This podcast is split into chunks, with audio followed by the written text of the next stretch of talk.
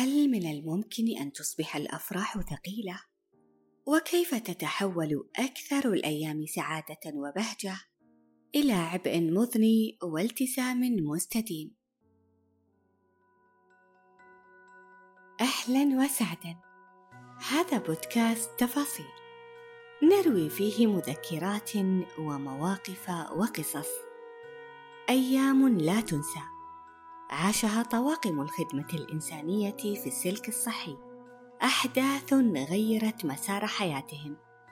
ومواجهات كانت بمثابة المحكات التي صقلتهم للأفضل.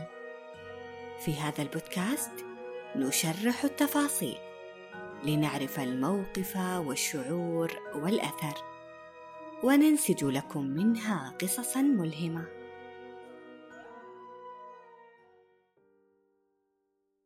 إنه يوم التخرج. الجميع يرتدي معاطف سوداء لامعة مطرزة ويقفون بانتظام وسعادة. الجميع يرتدي الابتسامة. إنه يوم الفخر. إنه يوم الانتصار على التعب والجهد الطويل.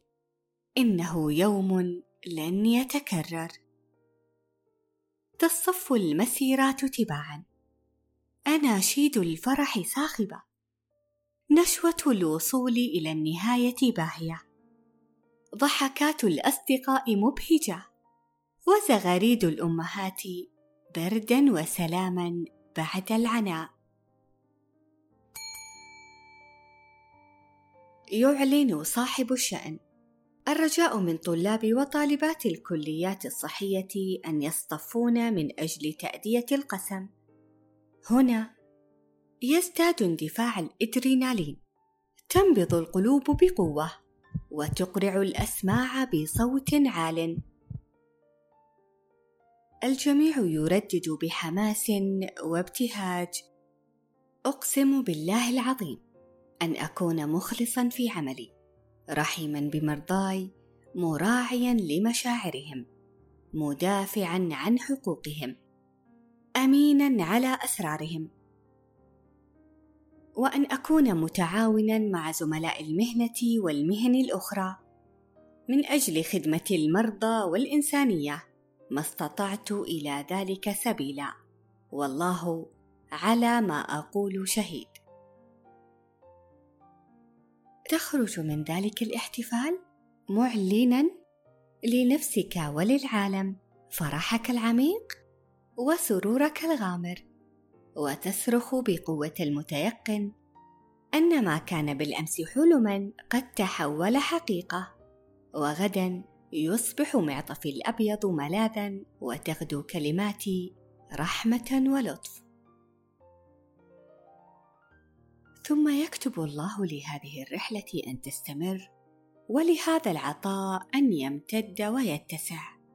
ويختارك الله من بين الملايين لتكون ما أردت دوما أن تكون.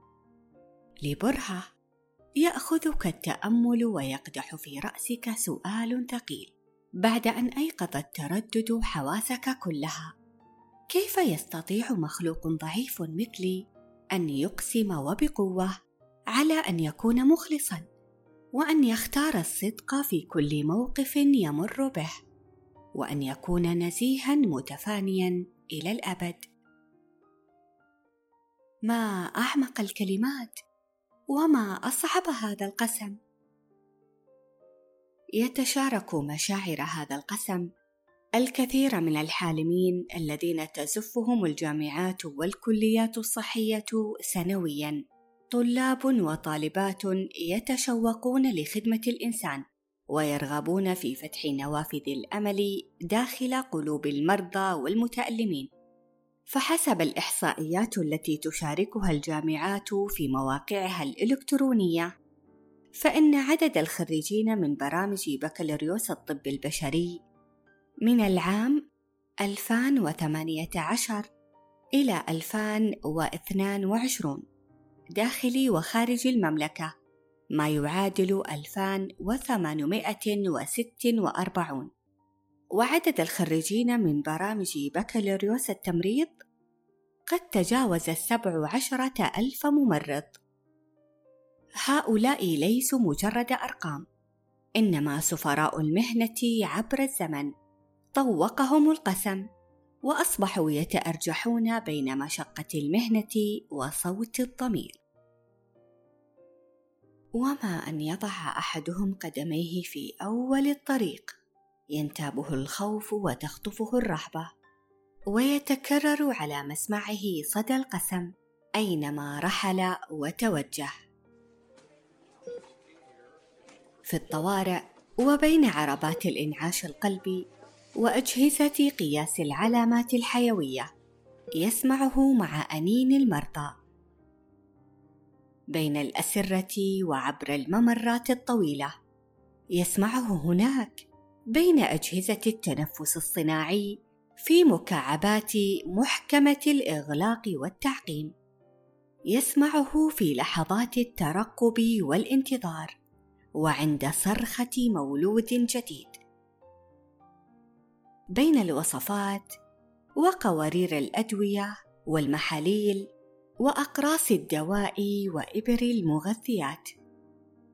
يراه في في صورة الأشعة أوراق المواعيد والتحاليل وشهادات الوفاة.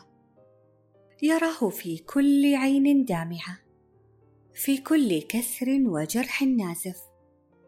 يحمل معه هذا القسم في كل طابق في كل معبر ويجده في قلب كل مريض وبعد كل مريض. يبقى هذا القسم هاجسا عند باب كل غرفة وعند الحديث مع كل غريب. وفي كل لحظة يتمم خفية مع قلبه. يا أنا هل أديت القسم؟ هل طبقته؟ هل راعيت الله فيه؟ ليأتيه ذلك الصوت البعيد ليقول إنه قسم لو تعلمون عظيم. انتهت تفاصيل اليوم. شاركونا قصصكم الملهمة مواقفكم المؤلمة أحداثكم الرائعة على إيميل البودكاست الموجود في خانة الوصف بالأسفل.